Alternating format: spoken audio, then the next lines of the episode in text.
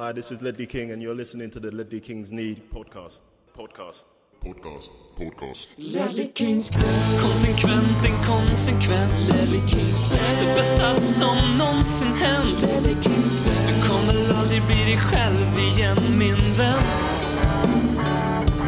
Ledley Kings knä. Här flödar hybrisen Ledley Kings knä. När vi poddar aldrig bli dig själv igen min vän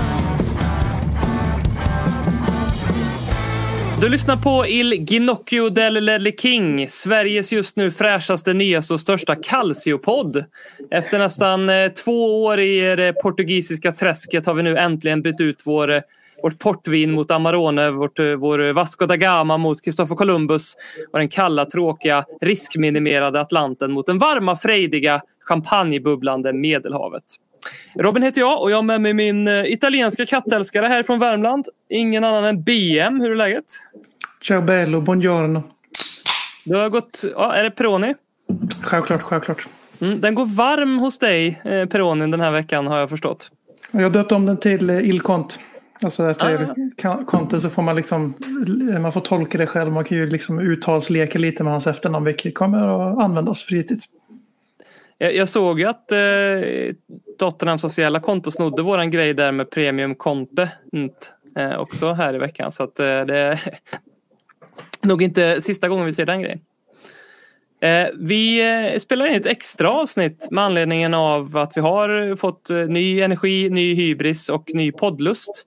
Ehm, eh, sen Antonio Conte klev på för Tot- eh, som manager för Tottenham. Och, eh, idag ska vi göra det tillsammans med en eh, man som vet mycket väl hur det är att leva tillsammans med Antonio Conte. Och det är ju ingen mindre än Siavosh Falahi. Hej! Sia Halloj. kallar vi dig.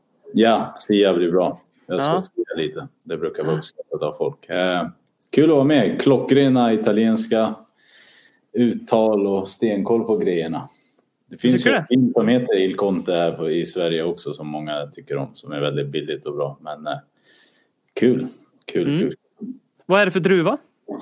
Ingen aning alltså. Jag, jag gillar mer att dricka än att ställa de viktiga frågorna. Bra, då kommer du trivas i det här sällskapet tror jag. Vi, eh, vi ska prata Conte idag, men vi kan ju börja bara lite så. Jag tror att de flesta av våra lyssnare vet eh, vem du är, men eh, bara för att se till så att alla känner dig. Du är journalist. Ehm, jag hittade en, din hemsida tror jag. Det stod det till och med något som jag inte visste var att du har varit domare en gång i tiden. Mm, länge sedan, jättelänge sedan. Alltså, Ja. Jag har, jag har gjort den här vuxendomarutbildningen som man gör då, då för att döma. Eh, ja, det blir ju till, upp till division 4 men sen dömde jag inte så jäkla mycket efter. Men jag tyckte att det var bra att ha när man, när man ska prata om fotboll. Mm. Eh, Så jag har, ju, jag har coachat en del också, spelat själv fotboll, inte på någon hög nivå, alltså inget att skryta om. Men jag har inte heller, alltså jag var inte så pass bra att jag har ett skadat knä att skylla på varför jag inte gick iväg. Så, ehm, sådär, ja men domare, jätteintressant tycker jag. Och jag tycker det är en del av fotbollen som det blir mer och mer fokus på, framförallt nu med VAR. Så det har kommit, eh, det har varit händigt de här senaste åren. Mm. Framförallt i Italien tänkte jag sticka in där med tanke på eh, förra helgens eh, härliga domslut där i stormatcherna. Ja, eller alltså nästan varje helg i Italien är det något. Så ja, det kommer händigt. Men resten stämmer, stämmer bra. Mm. Och eh, jo- journalist på Discovery och Eurosport. Va, Ja. vad, vad skulle du säga att din eh, största upplevelse som journalist eh, har varit? Oj, ehm, när Sverige gick vidare mot Italien på San Siro. Det var, det var coolt även om ja, alltså man är ju så halvkluven. Såklart att jag var glad för Sverige men det var ju på bekostnad av ett Italien som jag såklart följer med stor glädje på min arena då, San Siro. Min och min, ni förstår.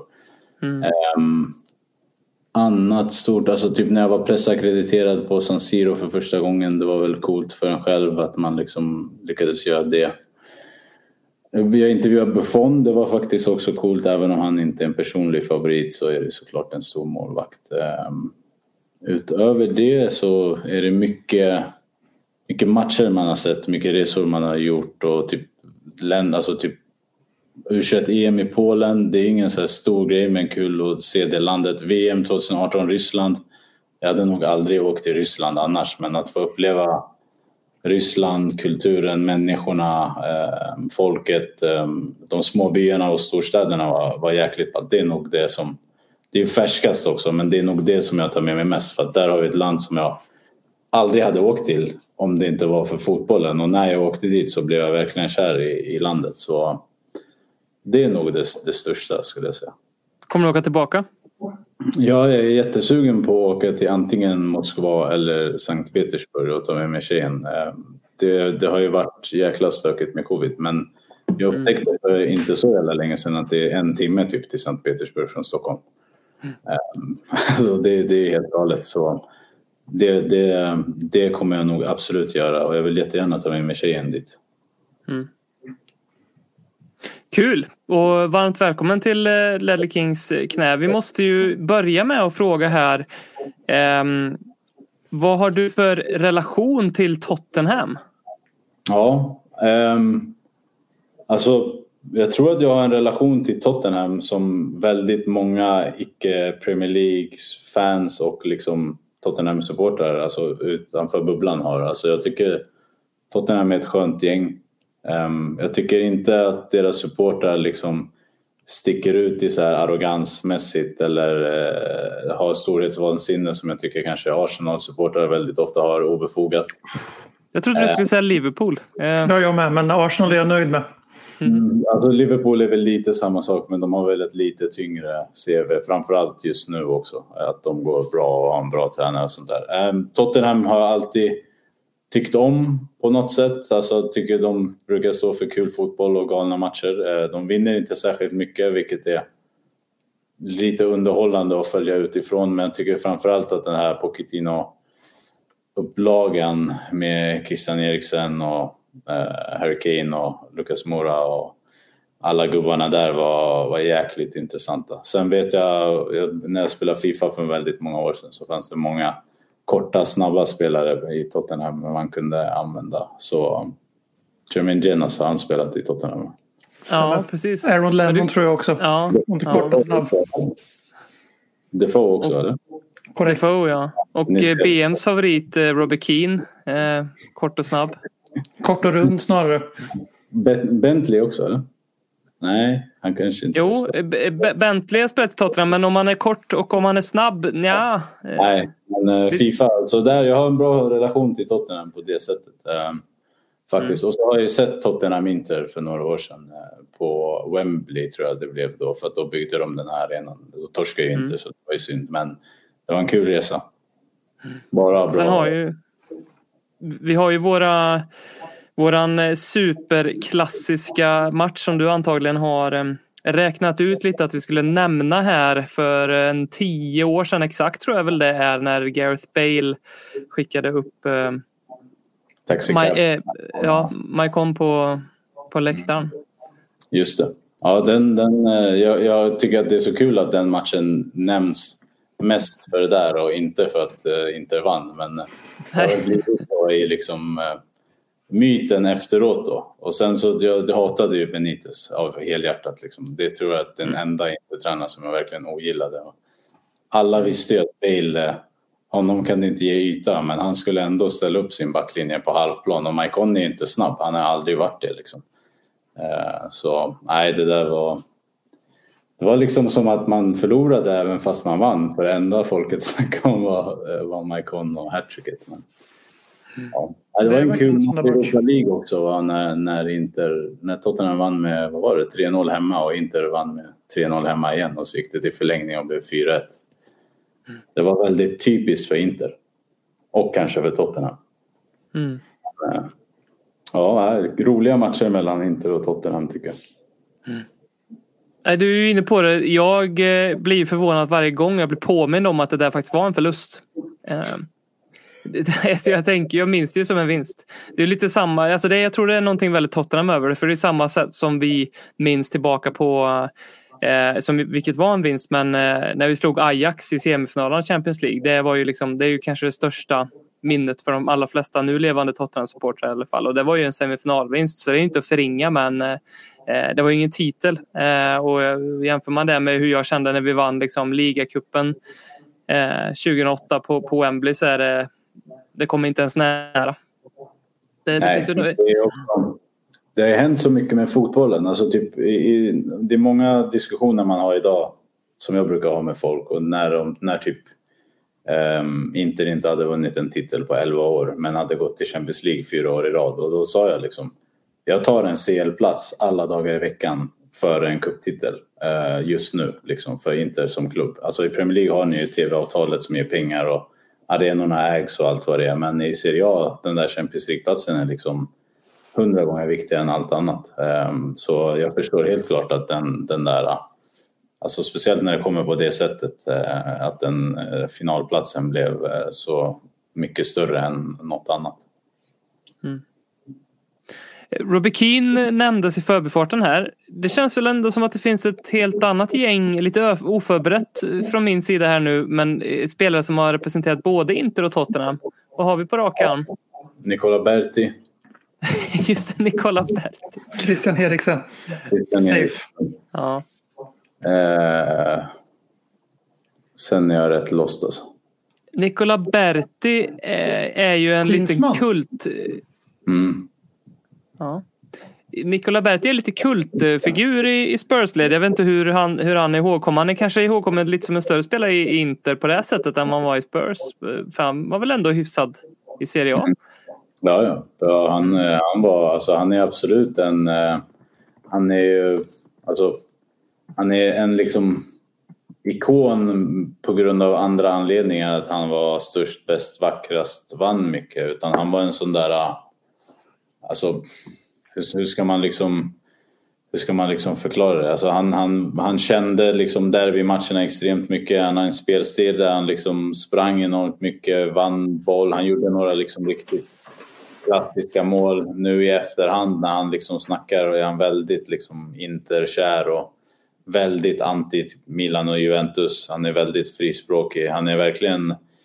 Så han är en kultspelare men inte bara för att han var en skön kille då, då utan han var också en, en eh, bra fotbollsspelare. Och så vann han ju en, en... Alltså typ Maradona hatade ju honom för att eh, han liksom var på honom hela tiden och sparka och snacka skit i örat på honom. Speciellt när inte vann ligan 89, 90, 88, 89 eller vad det var.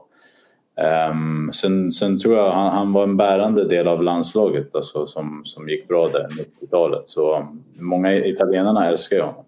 Jag, jag har träffat honom. Han, han är en jäkligt skön prick. Alltså. Han är bra på att dricka öl.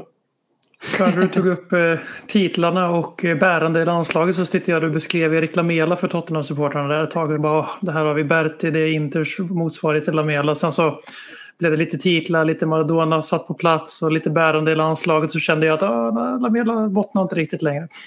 Tyvärr. Han var jävligt fin Lamela i Rom. Alltså. Jag har alltid tyckt om honom. Eh, vad, vad är din liksom största... Inter har ju haft otroligt eh, många profiler genom åren. Eh, alltså, men vilken är, din, vilken är den största för dig? Ehm, det är svårt att nämna en för att Ronaldo är väl den som, alltså R9, riktiga Ronaldo är den som Mm. fick mig att liksom gilla Inter och börja kolla på Inter och fatta ett tycke för Inter. Men jag, han gick ju till Milan, han lämnade lite tråkigt för Real. Nu har jag liksom förlåtit honom och kommit över det där. Men eh, favorit, favorit var, var nog Adriano skulle jag säga. Ehm, med sin liksom enorma potential, enorma klass eh, och liksom mänskligheten i det som blev det som det blev med honom. Eh, Så där eh, absolut. Och sen så det, det finns ju ett par, alltså typ alla som var med och vann trippen. Alltså Zanetti, Cambiasso, Stankovic, eh, Eto'o, alla de där, Milito, Julio Cesar. Alla de där är ju också såklart på en så enormt hög nivå. Men det finns så det finns olika saker tycker jag hos alla spelare. Alltså Ronaldo älskade man talangen. Eh, Adriano mänskligheten och styrkan. Eh, Zanetti lojaliteten och korrektheten och, och det där. Så det finns mycket olika saker. Men eh, Ronaldo och Adriano var nog de som var viktigast för mig i alla fall när jag växte upp. Mm. BM, du har ju varit och flörtat lite med Italien eh, fram och tillbaka så här genom åren. Vad, har du haft någon speciell relation till Inter under den här tiden eller? Eh,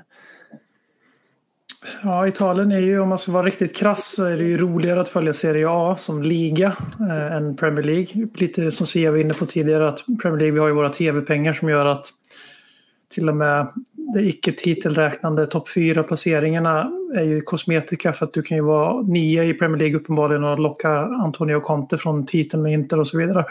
Nu var han ju arbetslös kan vi lägga till för fakta här. Men Eh, Eh, min bild av Inter, förutom att de har, kan jag säga också, att de har mer framgångar än vad Tottenham har. Eh, så är det ju De patsar Inter, alltså galna Inter. Det är lite den italienska motsvarigheten till Spursy. I England används det som ett hån. Att vi liksom kan ha 3-0 och gå på mot just Inter, tappa det ändå. Eh, vi kan ligga under mot Ajax med tre bollar. Vi gör tre mål i andra halvlek. Lukas Moura av alla människor gör ett hattrick och vi går till Champions League-final och 37 sekunder in i den så har vi förlorat på en straff efter en armhåla. Eh, och Inter har någon, lite den auran för mig också att det liksom kan hända vad som helst. Eh, och, eh, men i Italien känner jag min upplevelse utifrån är att där är det inte någonting man använder för att slå inte med utan det är någonting som det är liksom en nästan en en stolt identitet kontra vad i Tottenham då, där det har blivit någon mer så här förlorarstämpel i pannan på klubben som man använder Spurs i, inklusive våra egna supportrar som använder Spurs i kanske mer än alla andra. Så att jag tycker det finns vissa likheter mellan Inter och Tottenham. Eller fanns kanske. Kul, man ser ju alltid sambanden när man letar efter dem. Exakt så. Långa poddar, långa poddar, långa poddar om Spurs.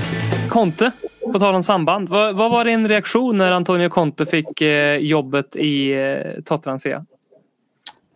Stackars Manchester United var väl det första jag tänkte tycker jag. Eller alltså så här um, att um, det snackades lite om United men jag det är en del folk som alltid frågar när det börjar snackas och jag såg liksom United är en stor klubb på ett annat sätt än, än, än Tottenham och Inter. Så som Chelsea var också. Um, det finns stora spelare på ett annat sätt än i, i de klubbarna. Och Jag såg liksom inte riktigt hur det skulle gå för Conte med typ Cristiano Ronaldo um, i laget. Så jag, jag, jag satt och tyckte att det var jäkligt spännande att följa just den utvecklingen där. Och då blev han klar för United och då tyckte jag så här, grattis liksom.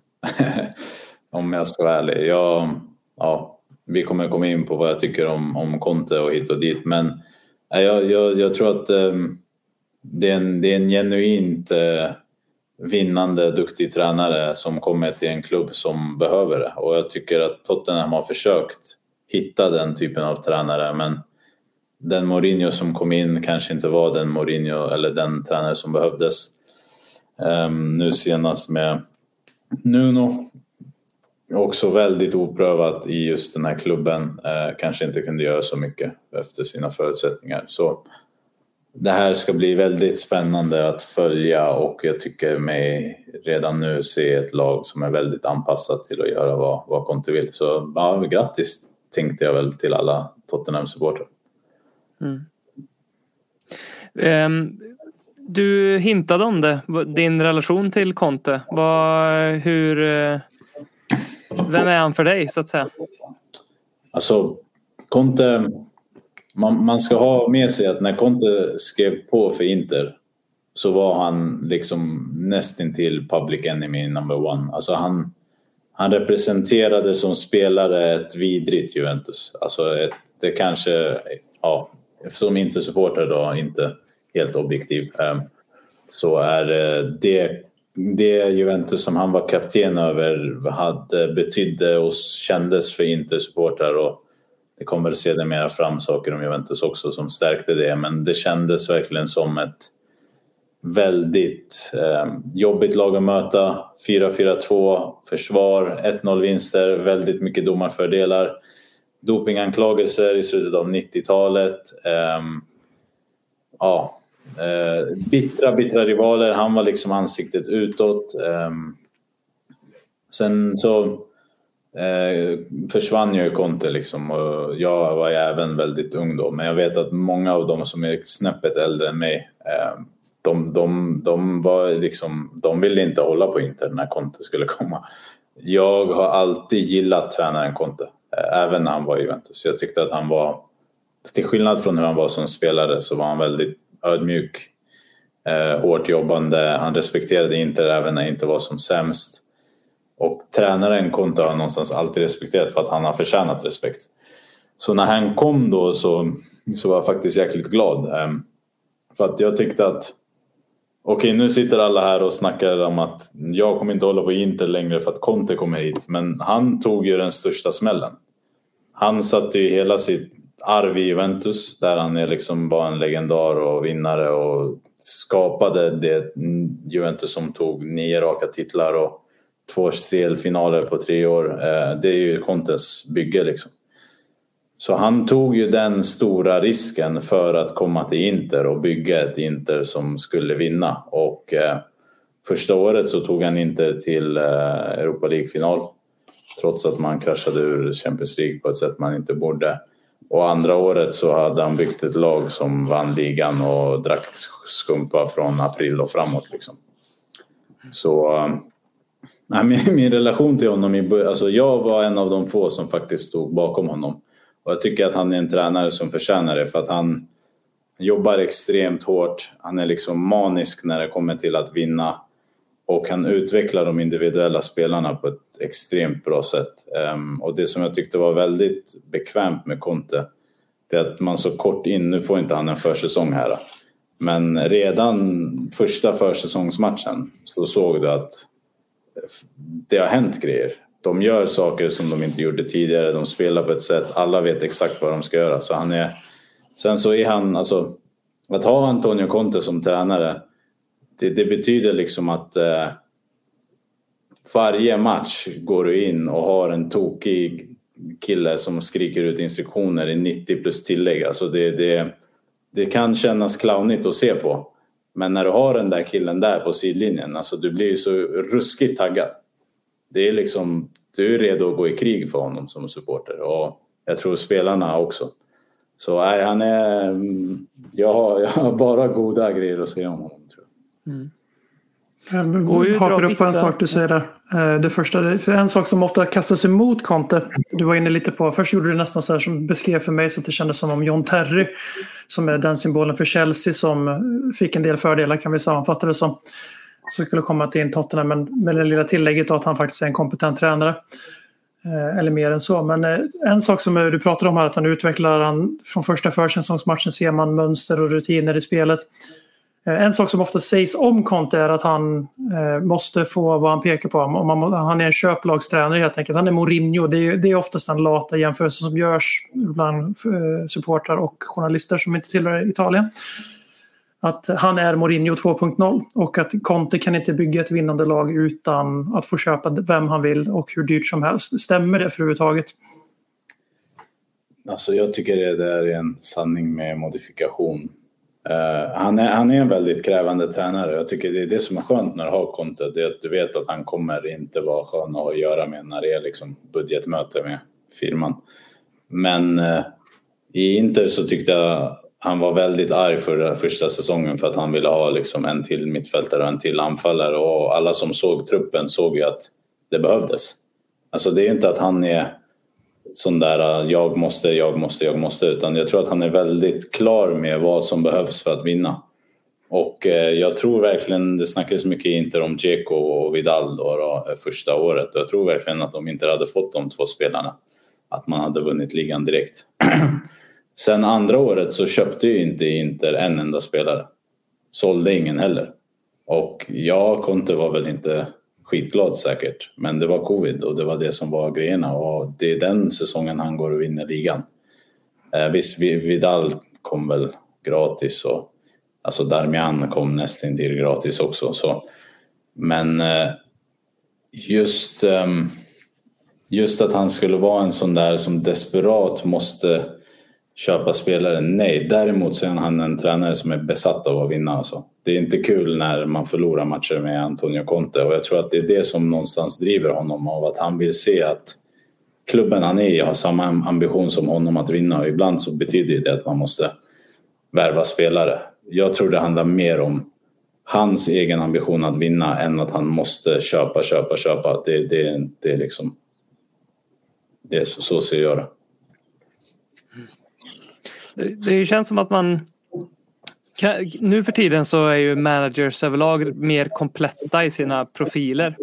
Men liksom historiskt har det varit så att ja, men, han är ändra en eh, taktiker eller så har man en eh, inspiratör. Som Harry Redknapp typ exempel. 100% inspiration. Eh, 4-4-2 på en whiteboard. Ut och kör liksom. Du är högerfotad så du ska spela på högerkanten. Det är taktiken liksom. Eh, och det känns ju som att Conte verkligen är båda två. Både taktiken och inspiratören. Det känns också som att han är då eh, ja, men som, eh, som Mourinho och som även Pochettino mot slutet i Spurs. Alltså väl insyltad, vill vara väl insyltad med liksom, businessen i klubben också. Eller kravställande eller hur man ska formulera det. Finns det något område där han är eh, lite mer vad ska man säga, blyg eller eh, inte tar för sig lika mycket? Finns det där, alltså någon svaghet där han, där han inte lägger sig i? Alltså det som, det som, man har, det som han han har genomgående i karriären som han inte har kommit upp i höjden i, det har varit Europaspelet. Och det är faktiskt svårt att förklara varför. För att tittar man på Inter nu två senaste åren så är det ett lag som borde ha gått vidare sett till hur man spelade. Så det, det kan vara både en liksom spelargrej eller att det är en kontegrej. Jag tycker det är för svårt att peka finger på men faktum kvarstår liksom att ingen av hans lag har tagit sig ur en, en, en CL-grupp tror jag. Kanske Chelsea, det har jag inte koll på. Men Juve gick ju inte förbi gruppen och inte Inter heller. Ehm, så där är det något man kan peka på. Men utöver det, med alla anledningar som fanns till det att det blev så, så går det nog inte att hitta så mycket svagheter. Det finns väl jag tycker han är väldigt modern. Han får ju ofta skit för att han liksom spelar bara samma system, alltid en trebackslinje. Men jag tycker fler och fler tränare spelar på det där sättet. Man tittar på olika saker, kanske mer på intensitet och du vet, um, spelsystem än liksom själva, alltså själva 3-4-3. Uh, eh, Conte spelar väl väldigt mycket trebackslinje men kan anpassa typerna i backlinjen till exempel. Ehm, det är inte så vi ofta ytterbackar på innerbackspositionerna ehm, och sånt där. Så, så jag, jag har svårt att se någonstans där han liksom inte riktigt eh, hänger med. Han har sina favoritspelare. Han har sina spelartyper som han tycker väldigt mycket om. Han gillar sina italienska och Serie A-spelare för det här taktiska kunnandet som han uppskattar. Um, och när han var i Inter så värvade han ju mycket för Premier League för att han gillar ju intensiteten och fysiken som de här spelarna har. Så jag, jag hittar liksom ingen riktig grej där jag tycker han inte räcker till. Men jag tycker ska man peka på något i hans karriär så är det helt klart Europaspelet för att allt det andra har han. Och jag skrev när han blev klar att det, var mycket, det är mycket folk som snackar ner Conte fortfarande. Och om jag får välja tränare fritt för ett liksom fotbollmanagerlag så är han alltid på min topp tre. Alltså. Um, Klopp, Guardiola, Conte skulle jag säga. Mm. Hur... Um, vi, vi är inne på taktiken här. 3-4-3, 3-5-2 eh, är det som vi har förstått att han har kört genomgående. Han, inte minst i, i Chelsea och Ja. Inter. Um, kan vi, vad kan vi säga mer om taktiken? För vi fick ju jag tror det var Kristoffer Svanemar som pikade oss lite med att vi jublade så över att vi fick Antonio Conte därför att vi hade eh, liksom gnällt så mycket på Mourinho och Nuno och så nu får vi Conte som eh, enligt han då också är en liksom riskminimerande eh, typ av coach. Med, stämmer den bilden av Conte eller är han... Vad är det för typ av fotboll alltid- får? Han har alltid fått skit för att han är en kontringstränare. Men eh, om, man, om man tittar på, och jag tycker att det fick Inter också förra året. Det, det, det är en intressant grej i Italien. Nu, Juventus vann fyra raka 1-0 matcher. Då var det liksom stora glada titlar in i, i tidningarna. Och när Contes Inter kontrade några gånger så när ligatiteln stod på spel så tyckte de att det var boring, boring Inter. Liksom. Men jag, jag tycker det är en myt om jag ska vara ärlig. Visst, eh, Contes Inter var enormt starka i kontringsspelet. Men allt som ledde upp till det där var ju... Um, alltså Inter spelade bollen längs marken. Inter spelade med extremt hög intensitet. Och um, nu, Conte är liksom inte svart eller vit på det sättet förutom hans förflutna i Juventus. Då, men han, i början av liksom Inter-säsongen förra året då var ju liksom mittbackarna uppe i straffområdet och in i, i, i och anföll och Eh, hittade in i löpningar och du vet sånt där. Och så då var man ju ganska obalanserad där bak och åkte på en del kontringar. Sen så hittade man rätt balans och tog mindre risker i pressspelet då. då. Men alltså typ backlinjen föll tillbaka 10-20, hela laget 10-20 meter. Men han har under sin tid alltså i Inter så har han visat både på extrem offensiv och riskminimering. Men Inter gick ju och vann ligan när man började ta mindre risker, släppa in mindre mål, Eh, göra lika många mål i princip. Ehm, jag skulle dock inte säga att han är en tråkig tränare. Eller att han är en liksom präglad, ge bort bollen och låta motståndarna göra vad de vill, sen kontra vi tränare. Absolut inte. Jag tycker han är väldigt modern.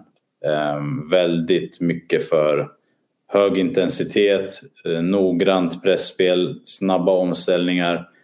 Många olika sätt att anfalla på. Eh, tittar man på Inter förra säsongen så var de extremt starka centralt med, med Lukaku Lautaro. Eh, Barella då, då och sen även på kanterna Hakimi Perisic. Så det, inget lag visste ju hur de skulle göra. Försvarar de centralt då kom vi på kanterna. Försvarar de kanterna då kunde det komma en långboll på Lukaku. Alltså, och det är där jag tror att Spurs har extremt hög potential med Harry Kane. Och med Son framförallt då, då. Jag vet inte vem som skulle spela till höger i en 3-4-3. På högerkanten? Ja. Eh, Emerson Royal från Betis. Eller av Barcelona tekniskt sett.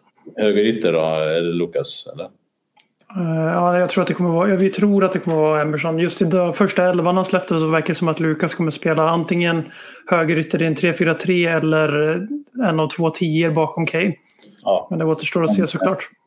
Ja, så jag tror Tottenham kommer vara extremt starka i just den här variationen i anfallsspelet. Eh, sådär. Så jag tycker det är en extremt rolig tränare att titta på för att jag tycker han hans lag är, är sjukt moderna. Jag tycker han, får en, han har fått den här tråkstämpeln utan anledning för att de spelar alltid bollen efter marken, teknisk fotboll. Hans Juventus var lika bra om jag ska vara ärlig. Hans Juve var ett, var ett riktigt monsterlag alltså.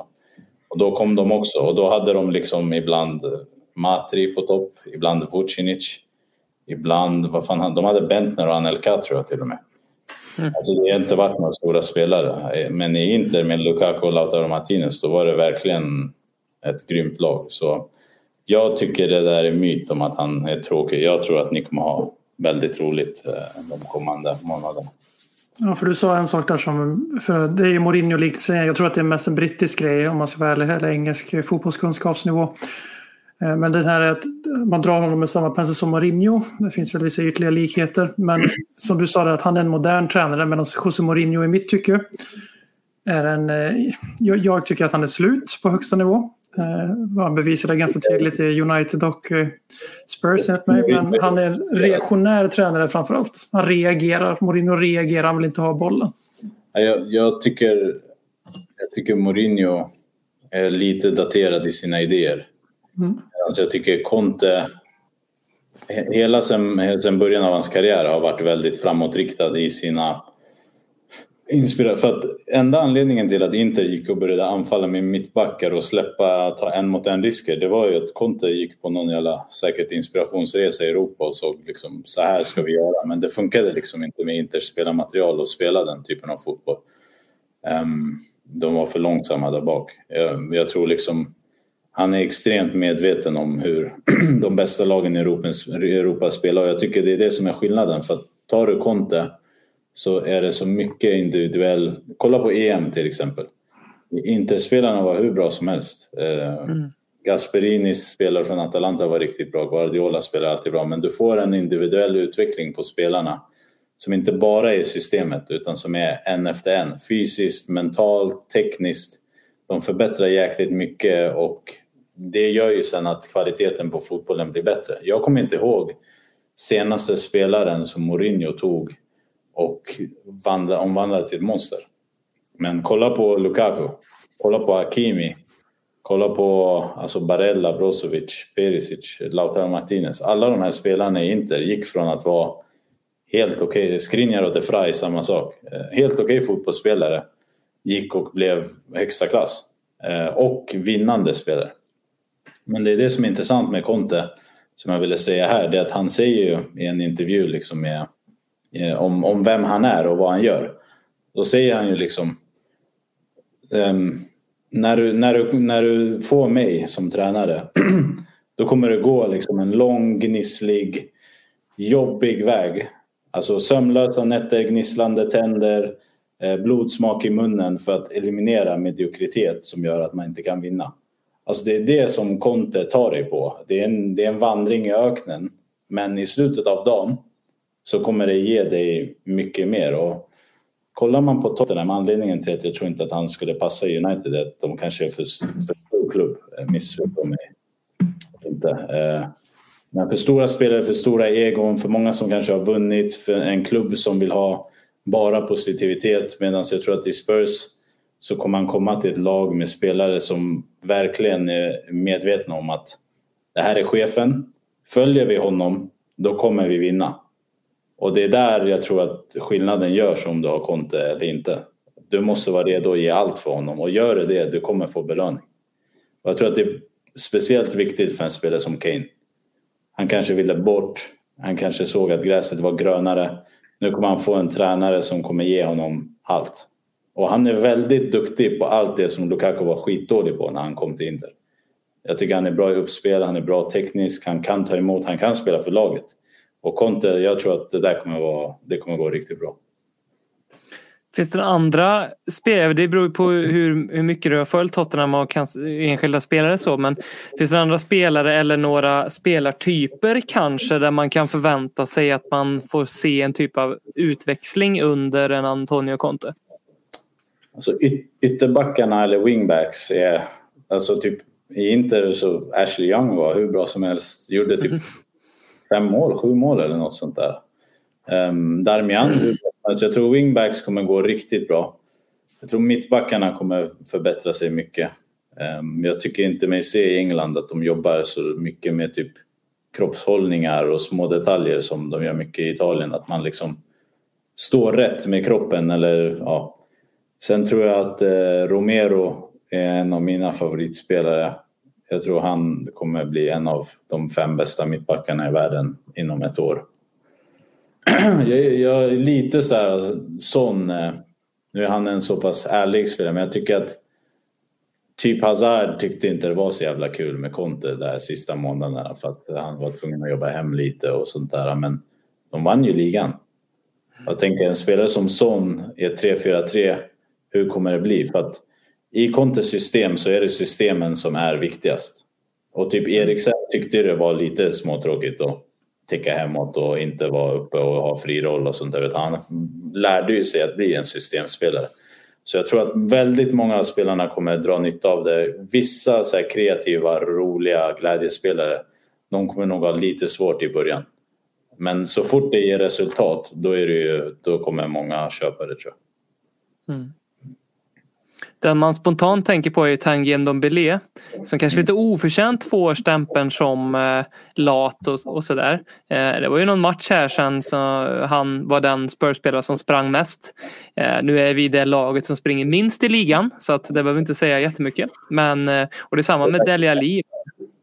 Vad sa du Under Conte så var inte laget som sprang överlägset mest. Mm. Eh, alltså det, han det där kommer ändras. Om de springer minst nu, det, det kommer inte vara okej. Okay. Men det kan vara en risk om man inte har fått en försäsong. Mm. Men en Dombele tror jag verkligen på. Dele Alli, det är lite risk där alltså. Det, det beror helt på hur han tar Conte. Han kan antingen tycka att okej, okay, det här är min chans att komma tillbaka. Vara den jag vill vara, som alla vet att jag kan vara. Eller så blir det liksom utlåning eh, efter en halv månad. Mm. Ehm, jag, jag, tror en Dombele är skitbra för Conte. Det är en bra, det är en bra fotbollsspelare också. Och eh, han hade Brozovic i Inter som liksom sprang för mycket nästan. Ehm, han, Conte, han gillar ett springande lag men han letar ju oftast profiler i Inter som var fysiskt starka. Kan springa mycket, kan tacklas mycket, som kan hålla upp intensitet. Men det där är inget problem i, i, i Premier League. Fan. Alla, alla är på en fysiskt väldigt hög nivå. Mm. Vi, eh, han kom ju till Tottenham där eh, Fabio Paratici, Paratici hur, hur, hur hade du uttalat det? Ser Paratici. Paratici, då säger vi så. Eh, är sportchef sen i somras. Eh, har ju fått lite rockstjärnestatus i Spurs. Eh, väldigt medvetet från Tottenham och säkert också från Daniel Levis sida att eh, han vill ta Kanske, man kan läsa in vad man vill i det men kanske vill Daniel Levy få lite mindre skit helt enkelt och ha någon eh, gubbe som han kan eh, eh, hänga ifall det skulle vara så att det inte funkar rent sportsligt. Eh, Fabio och eh, Antonio har ju känt varandra sedan innan. Vad har du att säga om deras relation? Och vi, innan vi började spela in här så hade du några frågetecken kring, kring den ändå? Ja, alltså jag tycker deras relation är lite oklar för att eh, när Conte var i Juventus och Paratici var där, då var det Marotta som var chef och Marotta var ju sen den som värvade Conte till Inter och de vet man har haft en bra relation och liksom respekterar varandra och allt sånt där. Eh, Conte och, och Paratici, det var lite jobbigt när, när Inter och Juventus möttes. Det var väl kanske inte Paratici som mest, men typ Agnelli och gubbarna hade väl eh, ja, det var, det var lite hetsigt och stökigt och det var mittenfinger upp och sånt där. Jag tycker den är, den är, den är lite otippad på det sättet. Alltså inte på det sättet att Conte går till Spurs och så. Men eh, jag tror att Paratici när han tog över som nummer ett i Juventus, det är sedan dess som det har gått liksom neråt. För att han, han värvade in Cristiano Ronaldo. Juventus fick liksom en stor lönepost, ekonomin kanske inte klarar av det. De var verkligen ett eller två steg ifrån att vara en klubb som värvar Mbappé eller Åland om de vill. Alltså den typen av spelare, unga stjärnor, inte äldre. Um, och Paratic är väl någonstans den som påbörjade förstörelsen, om man ska säga, av Juventus som vann nio raka ligatitlar. Han är såklart en väldigt kompetent direktör, liksom, men det, det, var inte bra. Och han var ju också högst inblandad i hela den här Suarez-soppan när Juventus korrumperade en halv stad för att fixa ett uh, italienskt pass till Suarez som liksom Eh, han kunde inte säga pappa, mamma, bröd, fika liksom, på italienska. Så han, han, eh, hans sista tid i Italien och sista år i Juventus var inte så bra. Men jag tror att det som jag ser mig då, förutom Nuno som jag inte är säker om det var han eller Levi eller hur det blev så jag hade ju gått för Graham Potter kanske.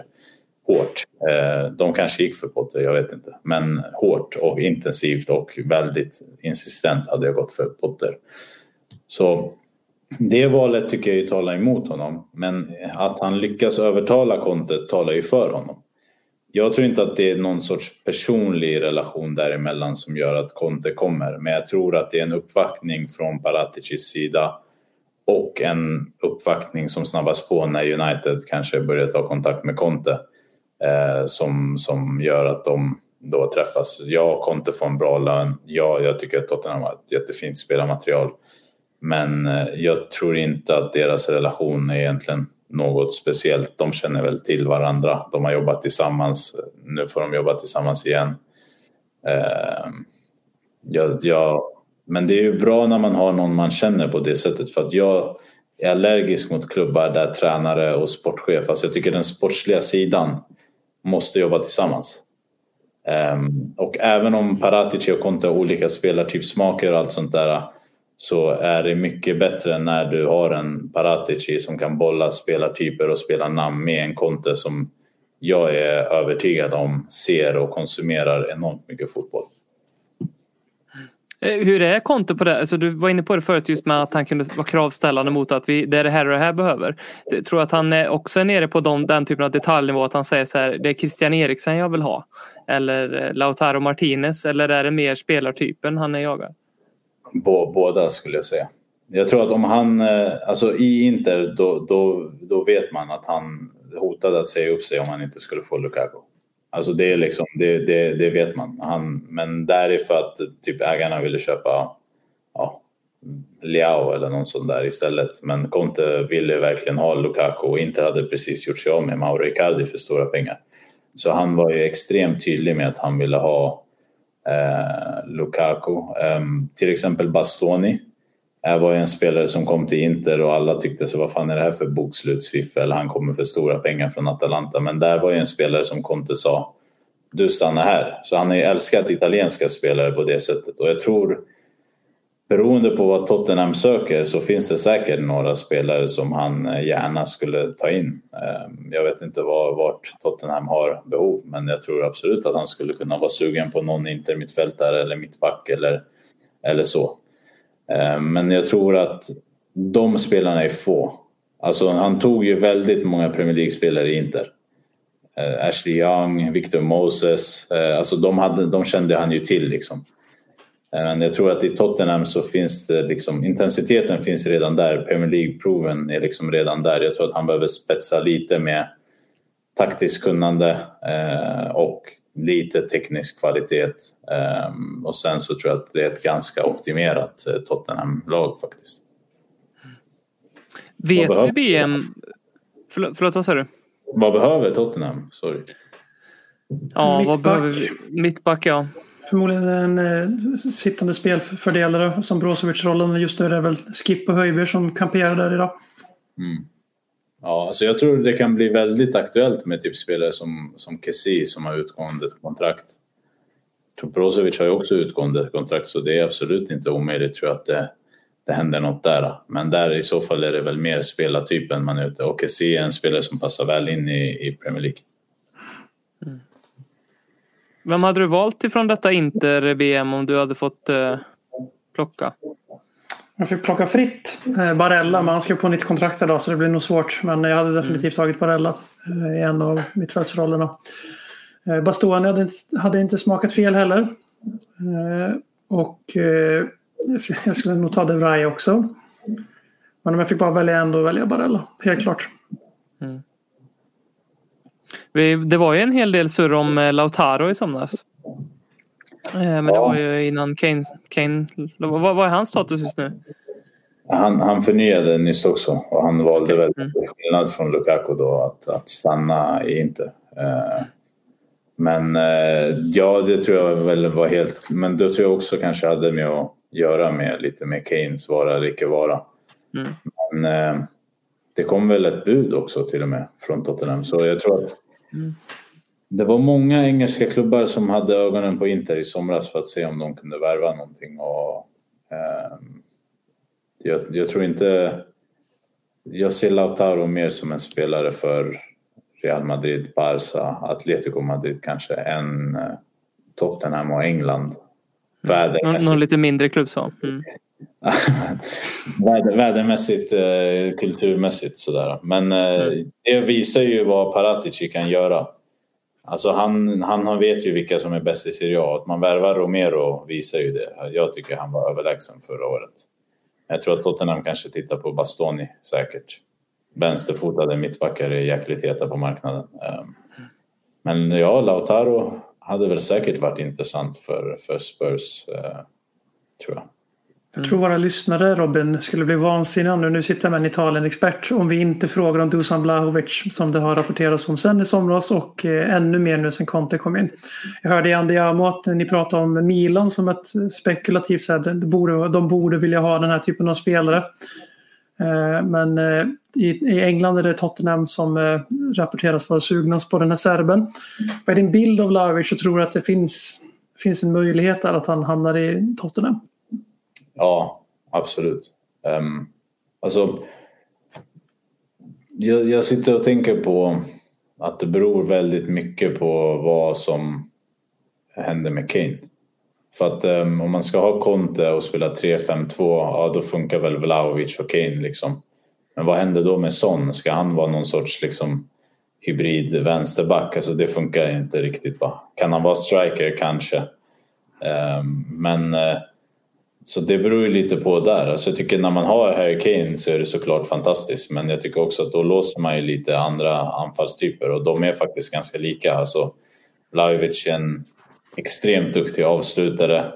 Han har ett, eh, en glöd i blicken och liksom mentalitet som är hård som sten. Jag tycker jag ser en, en framtida storanfallare. Anledningen till att vi snackar om Milan var väl att han hade varit nummer ett där skulle jag nog säga och kommer till en klubb som spelar Champions League och allt sånt där.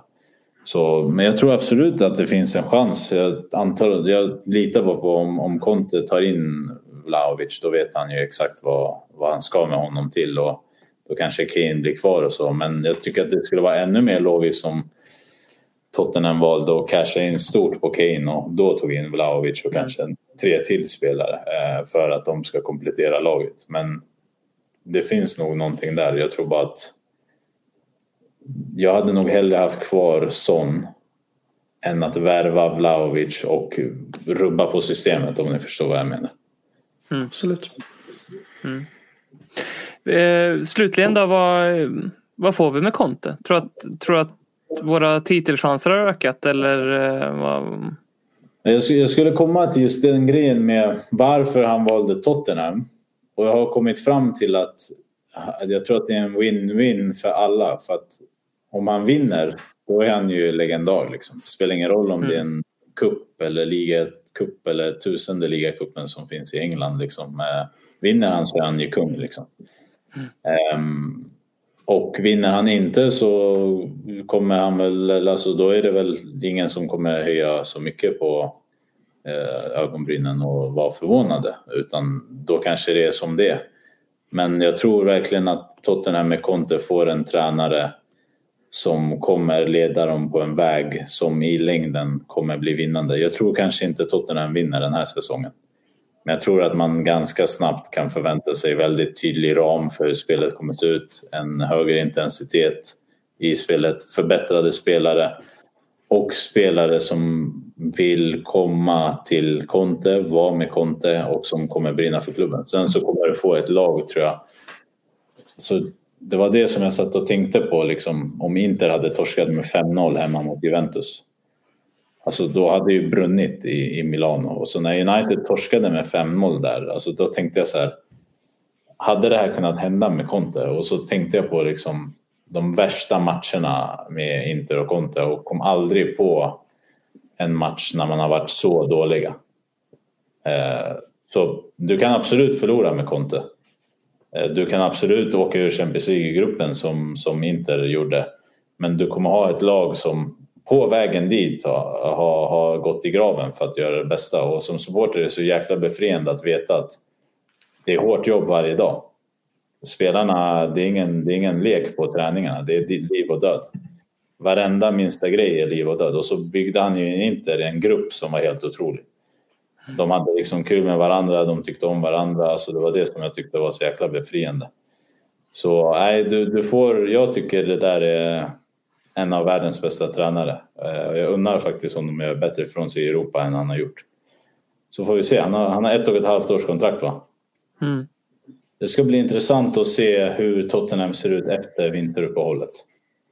Jag kommer inte dra några stora slutsatser så här snabbt nu. Eh, Men efter vinteruppehållet kommer det bli mycket intressant att se hur de ser ut i, Premier League. Eh, Jag tycker ni får en av de bästa tränarna i världen och eftersom att Tottenham är just Tottenham så är det faktiskt ändå imponerande att de tar in honom och eh, med de ambitionerna. Sannerligen, det är ju bara att se hur reaktionerna har varit. Och det ska bli intressant att se också. Jag såg den här Guldfadern-grafiken som de hade gjort. Det, det, Det, det är all in på allt italienskt du kan tänka dig. Eh, eh, Så, så, så, viner, pasta, sopranos, eh, alltså allt sånt där ska liksom in nu och bara eh, mergas Tottenham eh, Conte. Eh, och bara slutligen här då, hur går det för Inter då? Nu, trea i ligan nu. Eh, vad, vad, vad, är, vad är du nöjd med den här säsongen? Ehm, alltså man, man trodde att det skulle bli någon sorts allmän depression och Serie B när Conte lämnade och Hakimi och Lukaku. Men de har hållit upp ganska bra. Eh, just nu är han tvåa i Champions League-gruppen. Eh, faktiskt bra chans att gå vidare. Eh, ligan eh, har väl vaskat några poäng på grund av vissa anledningar. Men Helt okej. Tror att det inte kommer gå för ligatiteln, speciellt om man vinner derbyt i helgen. Eh, kommer vara med och kämpa. Om man går vidare i Europa så tror jag att det inte kommer vara jobbigt för alla lag att möta förutom Bayern och PSG kanske. City också såklart. Så nej, jag, Conte, Conte har lämnat ett bra lag med redan liksom inoljade mekanismer och ett bra försvar och bra spelare som har förbättrats och får vinna en titel. Så nej, det, jag är positiv och tror på det bästa. Och, ja, jag, jag trodde aldrig jag skulle gilla Antonio Conte så mycket som jag gjorde i Inter. Så jag unnar och hoppas verkligen att ni kommer tycka om honom lika mycket som jag tycker om honom. Vi ska göra det bästa vi kan för att förvalta honom. Det är väl, ja, men som du var inne på just med han att han är en systemtränare och att han utvecklar spelare. Eh, och att inte Inter ja, hamnar i Serie B nu när han sticker direkt. Det säger väl en hel del om vad han faktiskt har åstadkommit med klubben trots att han själv lämnar. Och jämför han med, med, en- med en annan eh, Inter Tottenham-bekanting, José Mourinho, så pratar man väldigt ofta där om så här, okej, han tar över nu. Man, man börjar nästan prata om med slutet i sikte direkt en, en, sån, en Mourinho tar över en klubb. Så här, hur kommer det se ut när han lämnar? Liksom, man, man vet typ att det kommer se sämre ut. Liksom. Men det är, känns ju betryggande med, med Conte när vi får Potter där om eh, ett, två år. Eh, Det är det som är, om du ger Conte, alltså så här, inte 40-åringar utan ger honom spelare som han tycker om och kan utveckla som är unga och liksom bra, då lämnar han ju dem i ett skick som är helt fantastiskt. Så är det inte med Mourinho. Det har inte varit så med Mourinho de senaste tio åren och jag, jag tyckte det var en fel rekrytering av Tottenham där och då. Alltså den Mourinho som jag såg var världens överlägset bästa tränare där och då. När han vann trippen med Inter så var det helt osannolikt. Liksom. Men det har inte hänt mycket sen, vad ska man säga, ligatiteln med Chelsea 2014. Där hände det något, där många tränare gick om och jag tycker Conte är en av dem som jag håller klart, klart högre än, Mourinho. Alltså, äh, när folk började snacka om vem Inter skulle ta och det snackades om Mourinho eller Conte, då var jag så här, nej, nej, nej, det spelar ingen roll att han har varit i Juventus. In, in med den där galningen så kommer vi ha kul liksom. Bra. Tack så mycket Sia för att du ställde upp här och eh, Tack, delade själv, med dig av dina erfarenheter. tack själva. Vi, Och eh, Jag säger det så att inte Sia behöver säga det. Juve Merda. Exakt. kan jag hålla mig opartisk inom citationstecken. Det kommer ju vara en hel del eh, italienska här nu framför oss, framför för oss BM. Eh, så att eh, vi får ju bara börja vänja våra lyssnare. På tal om det så har ju faktiskt vi idag lagt upp två nya t-shirts i vår shop som är minst sagt Italien-inspirerade. Vi var inne på det förut. Inte Gudfadern-temat än men där sådde du definitivt ett frö till en idé som kanske kommer ut här på, på vår shop framöver. Vi tackar Sia. Se till, vi kommer ju eh, länka Sias eh, Twitterkonto i, eh, i inlägget. Så se till att följa följ Sia framåt alla som, ni som lyssnar på detta. Och tack för att ni lyssnar på Lelle Kings knä. Vi hörs snart igen. Hej då! Konsekvent, inkonsekvent Det bästa som någonsin hänt Du kommer aldrig bli dig själv igen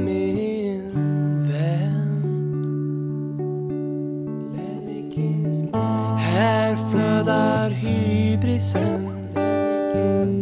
När vi poddar på nytt igen. Du kommer aldrig bli dig själv igen